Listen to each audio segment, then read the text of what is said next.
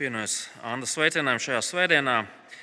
Mēs līdz pat adventa laikam studēsim pirmo Jāņa vēstuli. Tādēļ bez liekiem ievadiem es aicinu draudzes Bībelēs atvērt 1244. lapusi, kurā atrodas šīs dienas raksturvieta mūsu pārdomām.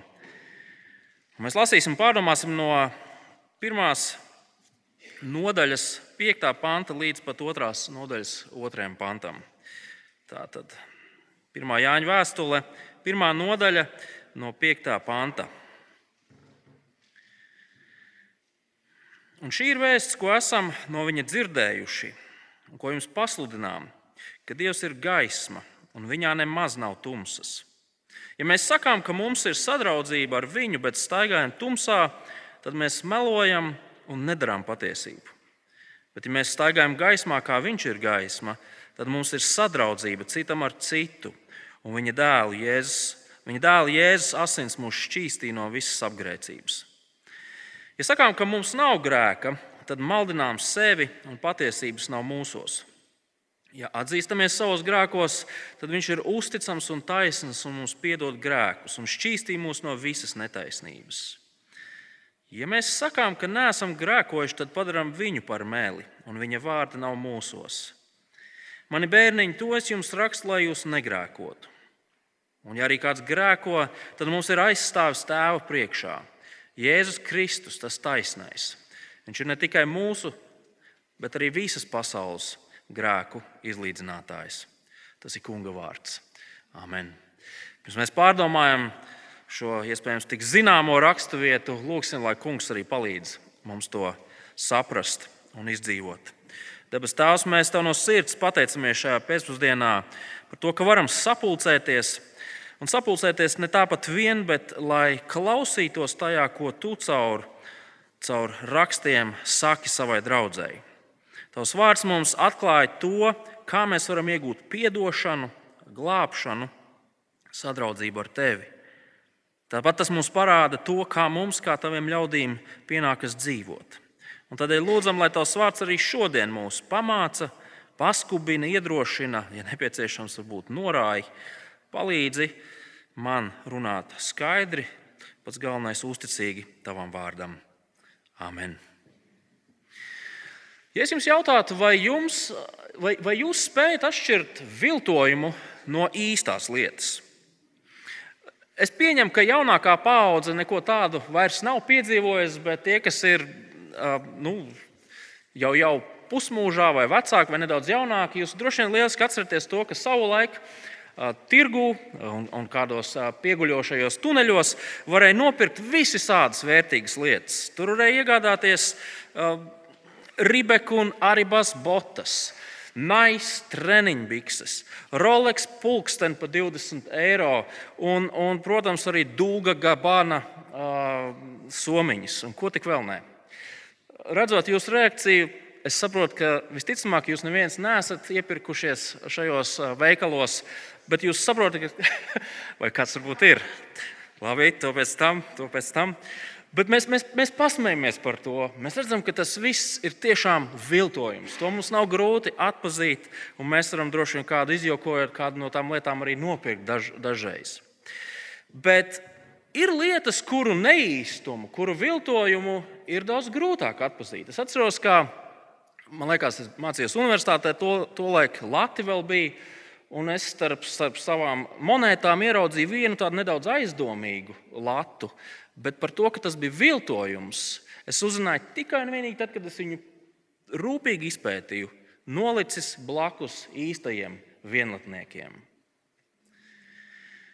Bet kā ir ar viltojumiem, kas ir dzīvībai bīstami, kas ir mūsu kristīgai izaugsmai bīstami?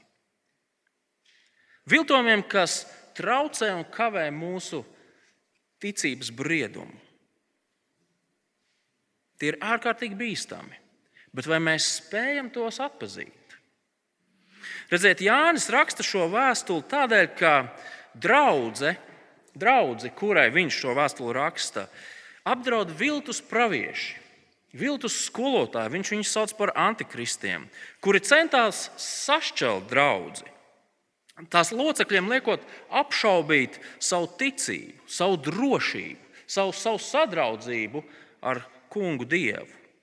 Un mēs varam pieņemt, ka šie viltnieki, šie skolotāji, viņi, viņi bija kā parasti cilvēki. Viņiem nebija rāgi, nāgi, viņiem uz pieres nebija uztetovēts 6, 6, 6. Viņi runāja saprātīgi, viņi runāja tā, ka pūļi klausījās un gribēja iet uz viņu, uz viņu mācībām. Viņi teica, ka vēlas kristiešiem palīdzēt, pieaugt, iepazīt Dievu labāk. Mēs varam tikai spekulēt, tāpēc ka Jānis ļoti skaidri to nepasaka, bet mēs varam spekulēt par to, ka šie cilvēki runāja par svarīgām lietām. Par to, kas mums visiem kristiešiem ir svarīgas. Nu, piemēram, nu, kā tikt galā ar grēku. Nu, kā būt tuvākās attiecībās ar Dievu? Ja mēs esam nopietni kristieši, tie ir jautājumi, kas mūs visus nodarbina. Tikai problēma ar šiem skolotājiem ir tāda, ka viņu mācība veda prom no patiesības. Un tāpēc Jānis raksta, lai vairotu kristiešu pārliecību par to, ka ar viņiem viss ir kārtībā. Viņiem jau tagad ir sadraudzība ar Dievu. Viņi jau tagad ir patiesībā. Un Jānis savu uzdevumu šīs vēstules ietvaros veids divējādi. No vienas puses viņš ļoti skaidri izgaismo un atmasko šos viltus skolotājus. Grieķu valodā runājot par viņiem, tiek lietots vārds pseido, pseido, fake, falši, neīsti, viltoti. Bet kā viņus atpazīt? Kā viņus atpazīt? Un atbilde ir vienkārša. Jānis savā vēstulē izmanto vairākus testus, vairākas lietas, ar kuru palīdzību var pārbaudīt, vai šie cilvēki ir īsti vai nav īsti. Un šajā raksturvietā mēs redzam vienu no šiem testiem. Ir cilvēki, kas šo testu ir nosaukuši par morāles testu, morālo testu. Un šajā testā ir jāatbild tikai uz vienu vienīgu jautājumu. Un šis jautājums ir, ko tu domā par grēku? Ko tu domā par grēku? Un Jānis saka, tas, ko cilvēks domā par grēku problēmu, par grēku, mums palīdz ieraudzīt to, ko šie cilvēki domā par Dievu. Jānis atmasko šos viltus skolotājus, parādot, ka viņi grēku patiesībā neuzskata par nopietnu problēmu. Vismaz ne viņu pašu dzīvēm. Un mēs redzam, ka šī raksturvieta sastāv no, no viena liela patiesības apgalvojuma, no trīs tādiem nepatiesiem apgalvojumiem un, un Jāņa atbildu uz šiem nepatiesiem apgalvojumiem. Uh, mēs redzam, ka sastais pants sākas, ja mēs sakām, astotais pants, ja mēs sakām, desmitais, ja mēs sakām, šie trīs panti ir šie nepatiesie apgalvojumi. Un Jānis pa vidām tos, tos izgaismojot, pasaka to, kā tad vajag īstenībā būt. Bet sāksim ar lielo patiesību, ko Jānis izsaka 5. pantā. Un lielā patiesība ir vienkārša. Dievs ir gaisma. Un šī ir tā vēsts, ko, ko esam no viņa dzirdējuši un ko jums pasludinām. Ka Dievs ir gaisma. Viņā nemaz nav tumsas. Dievs ir gaisma, un viņā nav tumsas. Tā ir patiesība, ko Jānis saka. Mēs esam to patiesību dzirdējuši, un mēs to pasludinām jums. Mēs varētu jautāt, nu, kur tad Jānis šo patiesību ir dzirdējis? Iespējams, viņš šeit atsaucās uz veco derību, jo vecajā derībā, atcerieties no, no otrās mūzes uh, studiju laikiem, kā, kā Dievs, kā šis gaismas, jeb uguns stāps, veda savu tautu cauri tūkstnesim pretī apsolītai zemē. Bet visticamāk, Jānis šajā brīdī atsaucās uz pašu kungu Jēzu, kurš Jāņa evanģēlijā teica šādus vārdus, 8. nodaļas 12. pantā. Tad Jēzus atkal runāja uz tiem un teica: Es esmu pasaules gaisma. Kas seko man, tas nestaigā tumsā, bet tam būs dzīvības gaisma.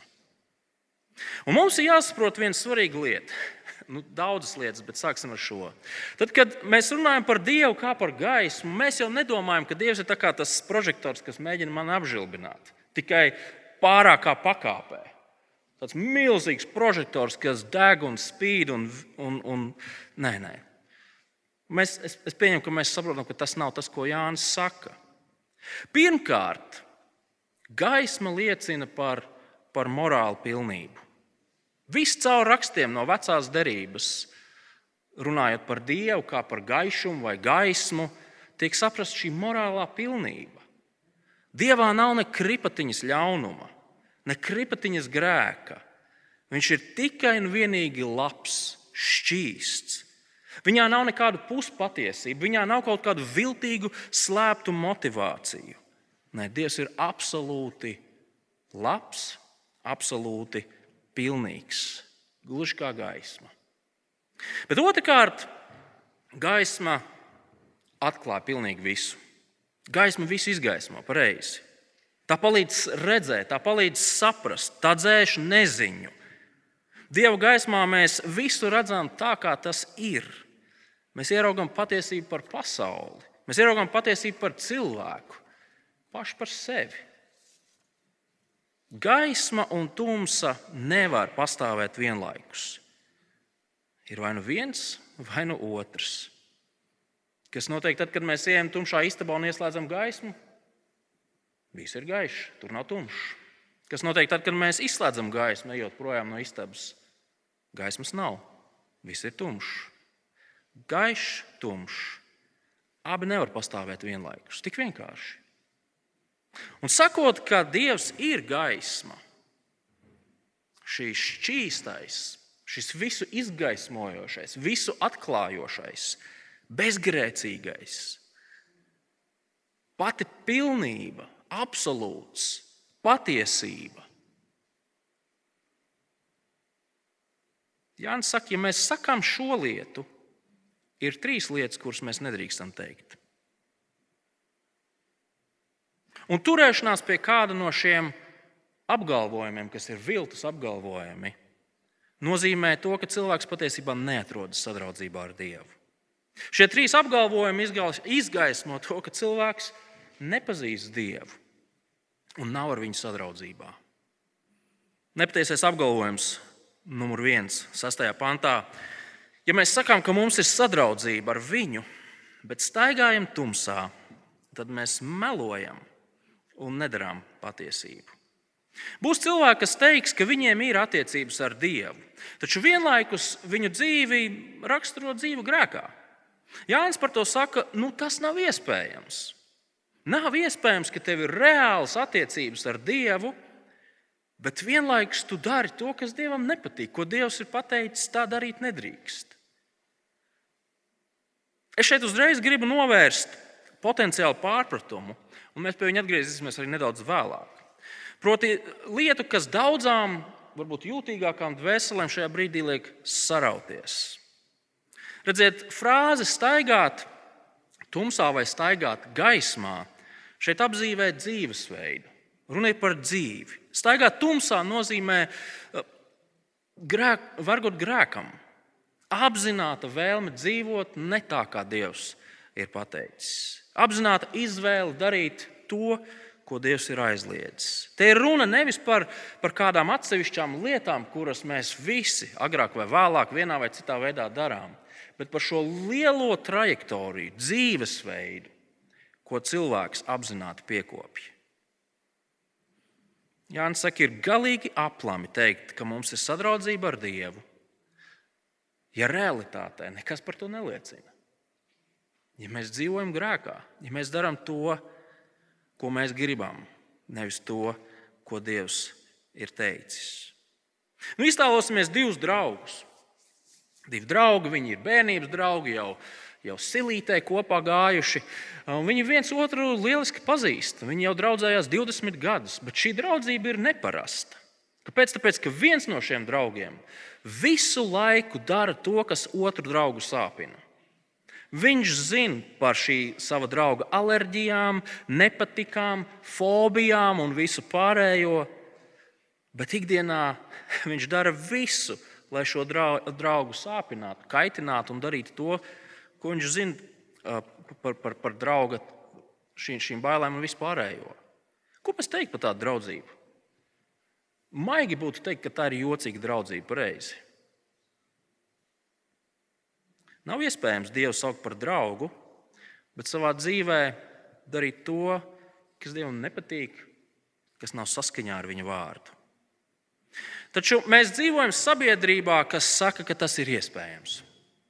Cilvēki saka, ka Dievs ir mīlestība, un Viņš pieņem visus savā, savā lielajā mīlestībā tādus, kādi mēs esam. Mēs dzīvojam sabiedrībā, kas grēku vairs neuztver nopietni. Tas ir tāds novecojis vārds, kas apzīmē dažādus cilvēku trūkumus, um, vājības, netīrumus. Un cilvēki saka, nu, protams, ka mēs visi esam grēcinieki. Nu, jā, nu, mums taču visiem ir kaut kādi skeletiņi skāpjos, kaut kādas lietas, ar kurām mēs netiekam galā. Bet tas viss nekādā ziņā neliedz mums būt par Dievu draugiem. Cilvēki dzīvo pēc principa, šī lieta man patīk, tā man liekas pareiza un laba. Un turklāt tā nevienam citam neko sliktu nedara. Nu, tā, Vai tad Dievs iestāsies pret šo lietu? Taču patiesība ir tāda, ka aktīva dzīvošana grēkā nav savienojama ar attiecībām ar Dievu. Tie ir meli. Teikt, ka mēs esam Dieva draugi, bet dzīvot kā Dieva ienaidniekiem, nozīmē mānīties, nebūt godīgiem. Cilvēks, kas to saka, ir mēlis. Viņš tāds varbūt ir neapzināti, varbūt viņš tāds ir apzināti.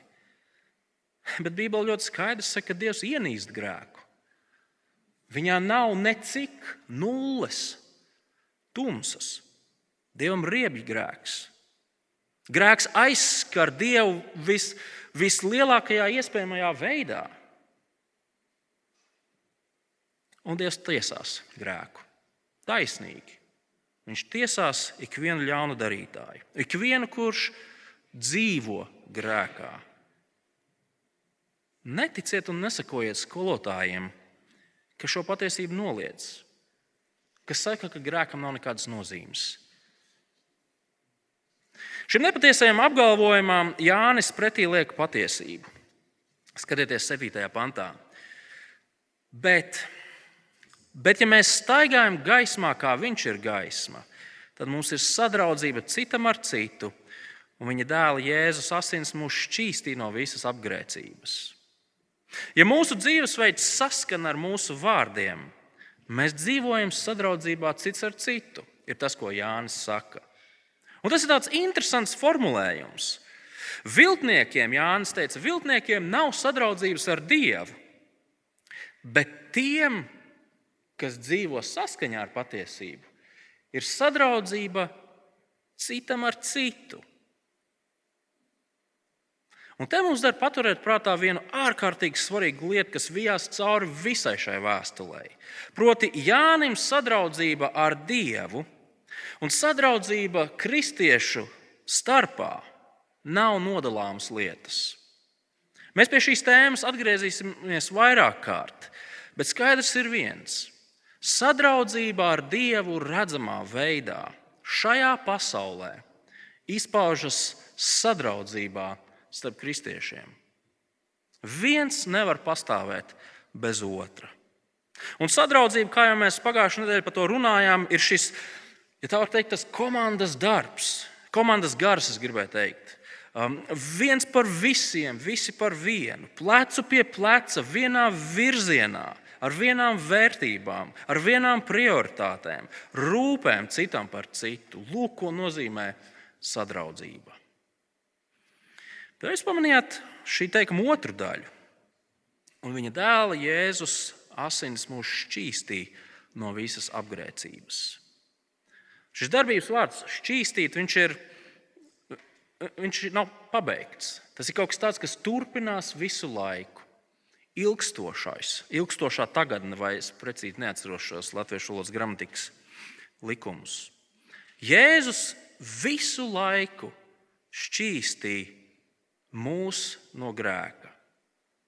Viņš ir ticis galā ar grēka varu mūsu dzīvē.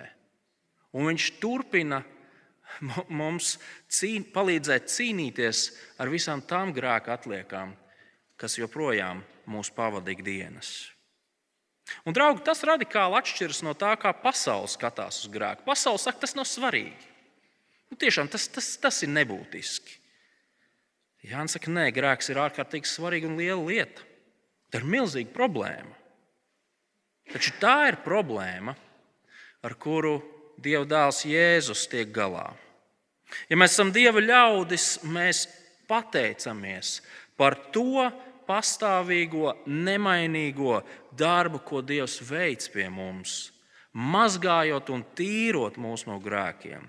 Arvien vairāk un vairāk pārveidojot mūsu vēlmes, mūsu gribu, lai tas viss saskana ar to, kas mēs esam. Mēs esam Dieva ļaudis.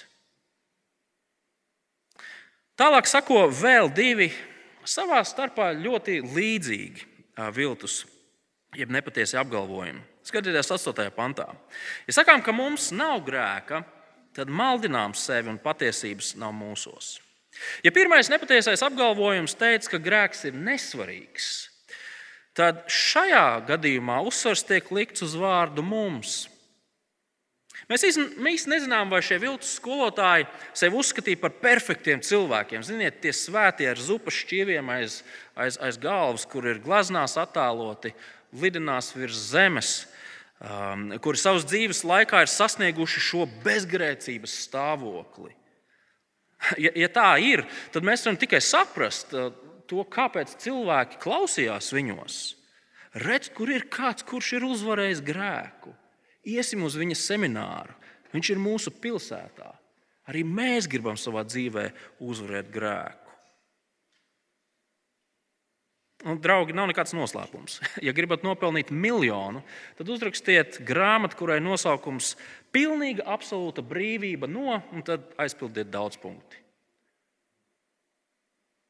Galvenais ir rakstīt par lietām, kas cilvēkiem ir svarīgas. Tad jūsos arī klausīsies, un miljons būs kabatā. Bet varbūt šie viltus skolotāji sevi uzskatīja par, par labākiem salīdzinot ar citiem. Grēko jau visi, bet mēs to darām mazāk. Varētu teikt, ka šajā jomā mēs pat esam sasnieguši gandrīz, gandrīz pilnību. Un Jānis ko saka? Jānis saka, beidziet, beidziet sev maldināt. Beidziet melot sev. Mums mājās Eh, ir viena īpašā durvju stendere, mēs viņu saucam par mērām stenderi. Un pie, pie šīs stenderes eh, ar zināmu regularitāti mēs visi ģimenes locekļi nostājamies reizi gadā, vai biežāk, vai retāk. Un mēs paskatāmies, nu, cik mēs gari esam. Es eh, pazemīgi saku, ka es joprojām esmu garākais mūsu ģimenes loceklis. Par to man patiesi prieks, bet ir pāris jaunieši, kas kā, man min uz papēžiem. Un, un šie jaunieši nostājās pie šīs stenderes, un viņi redz stalto 1,80 m tēva atzīmi. Viņi saka, par īsu, pietrūkst. Mēs neatbilstam vēl šim standartam. Mums ir nedaudz jāpaugas. Redziet, kad mēs nostājamies līdzās Dieva perfektajam standartam, mēs visi redzam, ka mums kaut kas pietrūkst. Mēs visi grēkojam. Neviens nav perfekts. Mēs visi esam vienādi. Tāpēc nemaldināsim sevi. Neteiksim, ka mēs negrēkojam, ka mums nav grēka. Tā vietā sakosim tam, ko Jānis saka 9. pantā. Bet, ja atzīstamies savos grēkos, tad viņš ir uzticams un taisns, un mums piedod grēks un šķīstī mūs no visas mūsu netaisnības. Grēks nav jānoliedz, grēks nav jāmazina, grēks ir jāatzīst. Un tad, kad mēs to darām, mēs varam saņemt grēku piedošanu, šķīstīšanu no mūsu grēkiem, tīrīšanu no mūsu grēkiem. Tas nozīmē, to, ka, ka mums vienmēr ir pieejama atdošana. Nevis īpašās dienās, svētdienās, grāmatsūdzes laikā, bet ik reiz, kad tā mums ir nepieciešama. Mums cilvēcīgi nepatīk atzīt to, ka mēs jau atkal, jau atkal esam krituši tajā pašā vecajā lietā, ar kuru mēs cīnāmies gadiem. Bet patiesība ir tāda, ka Dievs mums, mūs ar prieku uzklausa jau atkal un tik bieži, cik būs nepieciešams. Cilvēcīgi mēs reizēm domājam, nu, kā tas nākas? Es jau tik daudz gadus ticu Kristum. Es tik daudz gadus viņa žēlstībā cīnos ar grēku. Bet reizēm liekas, nekāda progresa. Visu laiku, ja tā nav viena lieta, tad tā ir cita lieta, kas pinās ap mani. Vēl trakām reizēm liekas, ka es eju atpakaļ gaitā.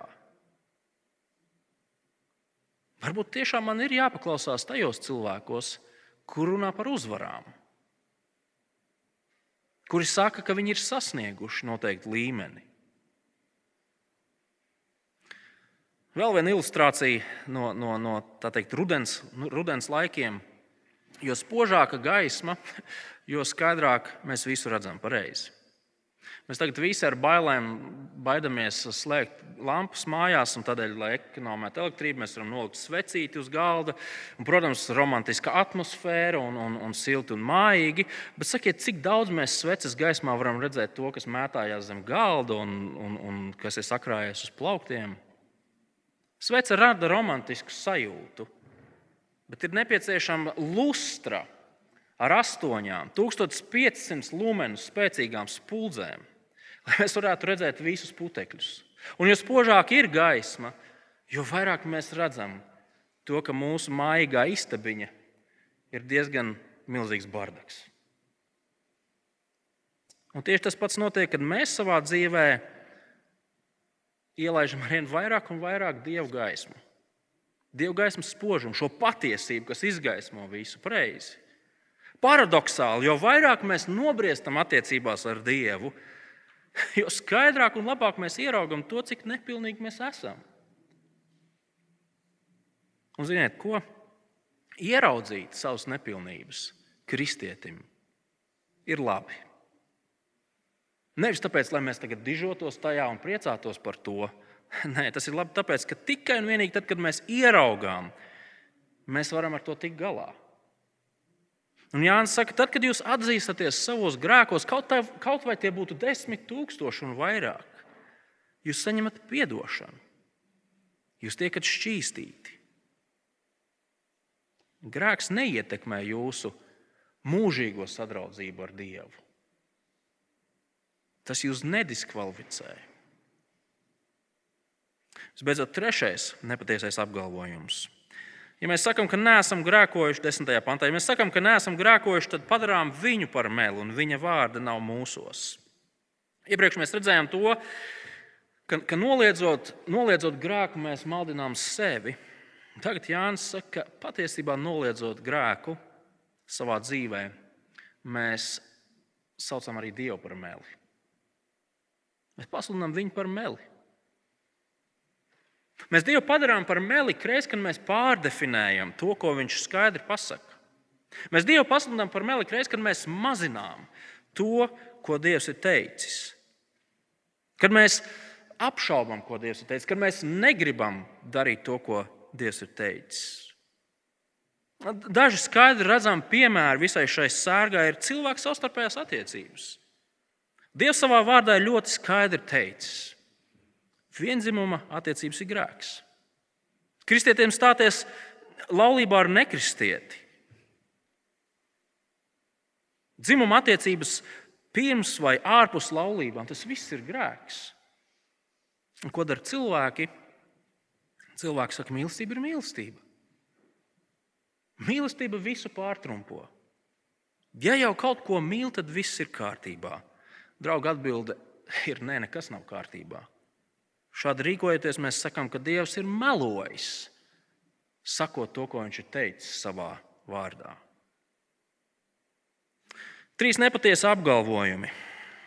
Šis morālais tests skaidri palīdz ieraudzīt un atšķirt viltojumu no īstās lietas. Viltus skolotāji par visām varītēm mēģinās noliegt, mazināt, pārdefinēt grēka nozīmi un svaru Nav ko tādos klausīties, draugi. Viņu pašizdomātā reliģija un pašizdomātais dievs nav tas, kas mums ir vajadzīgs kā kristiešiem, lai mierinātu savas sirdis, kad mēs saskaramies savā dzīvē ar grēku. Viņi ir viltnieki, šarlatāni, feiki. Šie trīs nepatiesie apgalvojumi izgaismo šos skolotājus. Un ja mēs to redzam, tad mēs varam būt droši un nešaubīties par savu, savu stāvokli Dieva priekšā. Taču ir viena lieta, ko mēs visi, es pieņemu, vienā vai citā brīdī savu esam teikuši. Nu, bet, Klau, labi, labi, es saprotu to, ko tu saki. Bet kā tad ir? Vai patiešām man ir drošība? Vai patiešām es esmu gaismā? Es grēkoju, un es grēkoju daudz. Vai es tiešām, tiešām, patiešām varu būt drošs? Un, manuprāt, šīs dienas raksturvietas noslēgums ir kā, kā, kā brīnišķīgākās zāles. Ikvienam, kurš savā dzīvē saskarās ar šīm šaubām par savu glābšanu, par savu sadraudzību ar Dievu, raugoties uz to grēku, ko vienā vai citā reizē mēs darām. Skatieties, kā Jānis nobeidz šīs dienas raksturvietu. Otrās nodaļas, pirmie divi panti. Mani bērniņi, to es jums rakstu, lai jūs negrēkotu. Un, ja arī kāds grēko, tad mums ir aizstāvis tēva priekšā. Jēzus Kristus, tas taisnais. Viņš ir ne tikai mūsu, bet arī visas pasaules grēku izlīdzinātājs. Jānis šajā rakstvietā vēlas, lai mēs grēkam pieejam nopietni, atbildīgi. Tā ir nopietna problēma, pareizi. Ja neesam kā viltnieki, tad zinām, ka mēs visi joprojām grēkojam. Bet Un tas bet ir ļoti svarīgs. Grēks mūs vairs nepazudina. Grēks mūs vairs nepazudina. Kāpēc? Tāpēc, ka Jēzus Kristus ar savu krusta nāvi ir samaksājis mūsu grēku sodu. Kristieti, klausies! Nav neviena grēka, kas mūs varētu šķirt no Dieva. Nav neviena atkārtota grēka, kas atkārtojas kaut vai simts reizes, kas mūs var šķirt no Dieva. Nav neviena pagātnes, tagadnes un nākotnes grēka, kas mūs var šķirt no Dieva. Pie nosacījuma, ka mēs saucam uz Kristu, kurš ir samaksājis par visiem mūsu grēkiem. Jā, mēs joprojām grēkojam, un mēs grēkosim līdz pēdējiem apelsīnu vilcienam bet mēs to darām kā attaisnoti cilvēki. Mēs esam attaisnoti grēcinieki. Grēcinieki, bet attaisnoti. Es apzinos, ka es to atkārtoju vairākas reizes, bet tas ir svarīgi. Un būt attaisnotam nozīmē būt brīvam no vainas, no apsūdzības, no tā, kas mūs var pazudināt. Un tagad, kad mēs krītam grēkā, mums ir aizstāvis kurš ir apmierinājis Dieva taisnīgo prasību, kurš ir apmierinājis Dieva taisnīgās dusmas. Un viņš to ir izdarījis, atdodot pats savu dzīvību, izlējot savus asinis. Un mūsu aizstāvis Mārtiņa Lutera vārdiem izsakoties, nāk savu tēvu priekšā un rāda uz mums un saka, audzē viņu, piedod viņam, palīdzi viņam. Un ziniet, ko Dievs atbild? uz šī aizstāvu lūgumiem. Viņš raugās uz mums caur Kristu, caur savu dēlu, kurš ir izlīdzinājis mūsu grēku parādu ar savām asinīm. Viņš saka, es viņu audzēšu, es viņam piedošu, es viņam palīdzēšu. Un pēc Jāņa domām šai patiesībai par Kristus darbu, kura veikums mums, mums tiek žēlastībā dāvāts, šai patiesībai un nekam citam. Nevajadzētu mums, šī, šī patiesība mums ir vienīgā lieta, kas mums dod reālu spēku cīnīties un dzīvot cīņas pilnu dzīvi, cīnīties pret grēku. Mēs krītam un kritīsim. Bet ik reiz mums šī patiesība atgādina, draugs, tev ir aizstāvis. Tēvu priekšā Jēzus Kristus tas taisnais. Viņš ir ne tikai mūsu, un te mēs varam ielikt vārdus. Inga, Andris, Anna, Reinis, Miroslavs, Andrejs, Viesturs. Visus vārdus mēs varam ielikt. Ne tikai mūsu, bet visas pasaules grēku nolīdzinātājs. Draugi, sakiet, kam mums ir vajadzīgi viltus skolotāji, kas mums sola zelta kalnus, uzvar uzvaras, ja viss, kas mums ir nepieciešams, ir Kristū? Būsim droši, gan saskaroties ar viltus mācībām, gan saskaroties paši ar savu grēku. Lūksim. Tāpēc tās mēs atzīstam, ka esam nepilnīgi cilvēki, bet pārsteidzošā veidā Tavs dēls mūs ir pasludinājis par svētiem, par taviem mīļotajiem, par, par taviem draugiem, par tiem cilvēkiem, kuriem ir nevīstošs mantojums paglabāts Kristū.